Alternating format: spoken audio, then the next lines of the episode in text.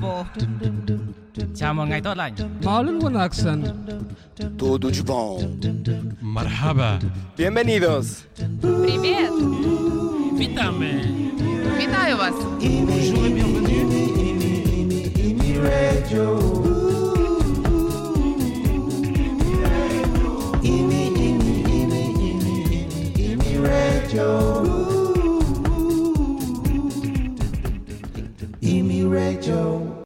А зараз, е, як я кажу, е, тема сюрприз. Я знаю, що тебе мало часу, і тема сюрприз е, поговоримо, тому що як ми говоримо, що дуже багато українців в Польщі, і вони не лише працюють.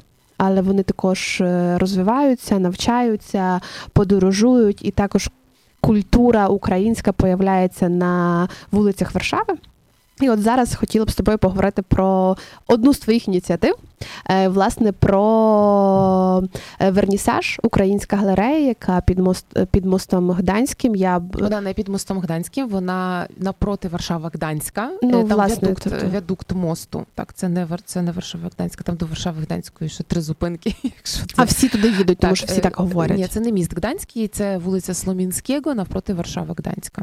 Ну я знаю, що про своїх, як я кажу, про своє дітище, ко- коли у нас є 5 хвилин, важко говорити, якби так коротко. Я вже але, навчена. але так, власне, я вже знаю, що ти навчена. Тобто я думаю, що можливо це буде хорошою там мотивацією для багатьох людей е, поїхати, подивитися або взагалі знати, що є така Е, ініціатива. До речі, якраз в суботу зранку зустрічалася з голландськими урбаністами, яким розповідала про нашу про нашу стріт-арт-галерею. Вони займаються власне е, публічним простором і міграцією.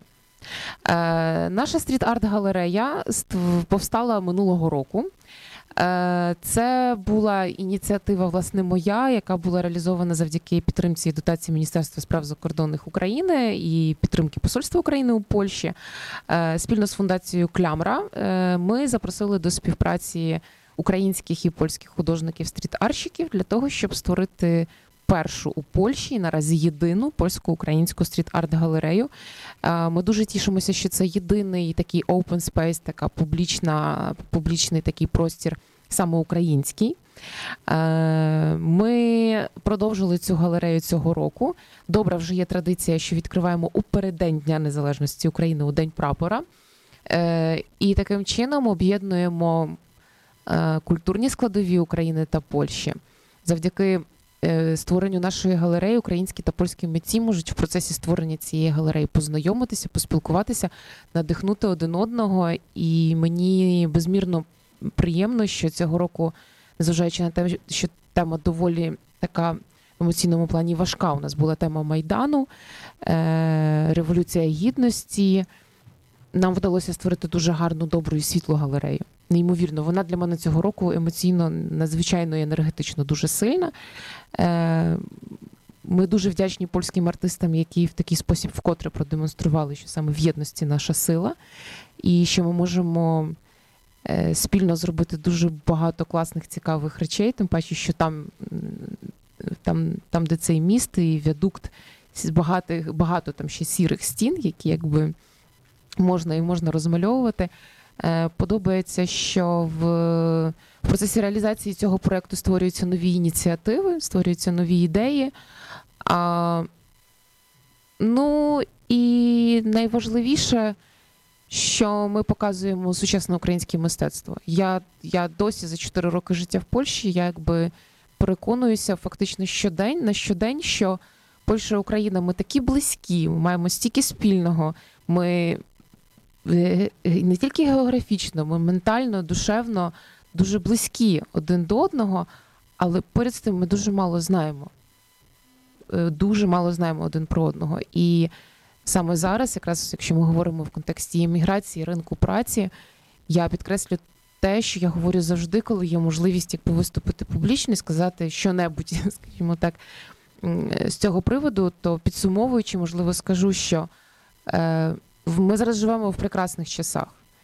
Е, незважаючи на якісь е, історичні перипетії, ну ми ж сусіди, ми, мусили сваритися, це, це абсолютно натурально.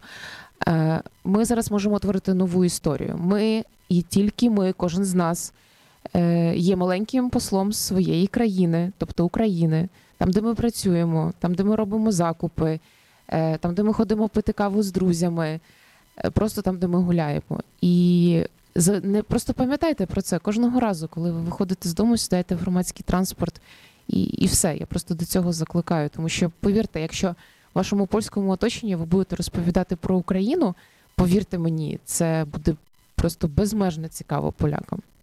Е, Дуже тобі дякую, що власне ми закінчуємо на такій позитивній ноці, тому що я стовідсотково з тобою згідна. Ми починали про ринок праці, про те, в кого хто відбирає роботу. А я з тобою абсолютно згідна, що вважаю, що ми дуже схожі і варто концентруватися на е, тому, що в нас є спільно, а не те, що в нас власне розділює. І дуже дякую за проект. е, Тому що в мене дуже багато власне моїх польських друзів було. Деякі артисти також до мене заходили ваші які сказали Вау, класно, і якби ми не знали, тобто ми не знали, що щось таке можна робити. Тому я. Бажаю тільки власне більше таких проєктів. Е, Дуже дякую за теплу розмову. Нагадую, що з нами була Оксана Денисюк. Насамперед для мене далі наголошу журналіст, громадський і культурний діяч, але зараз також е, надає юридичні е, поради власне на ринку праці в Польщі. Дякую тобі велике за зустріч. Дякую за запрошення.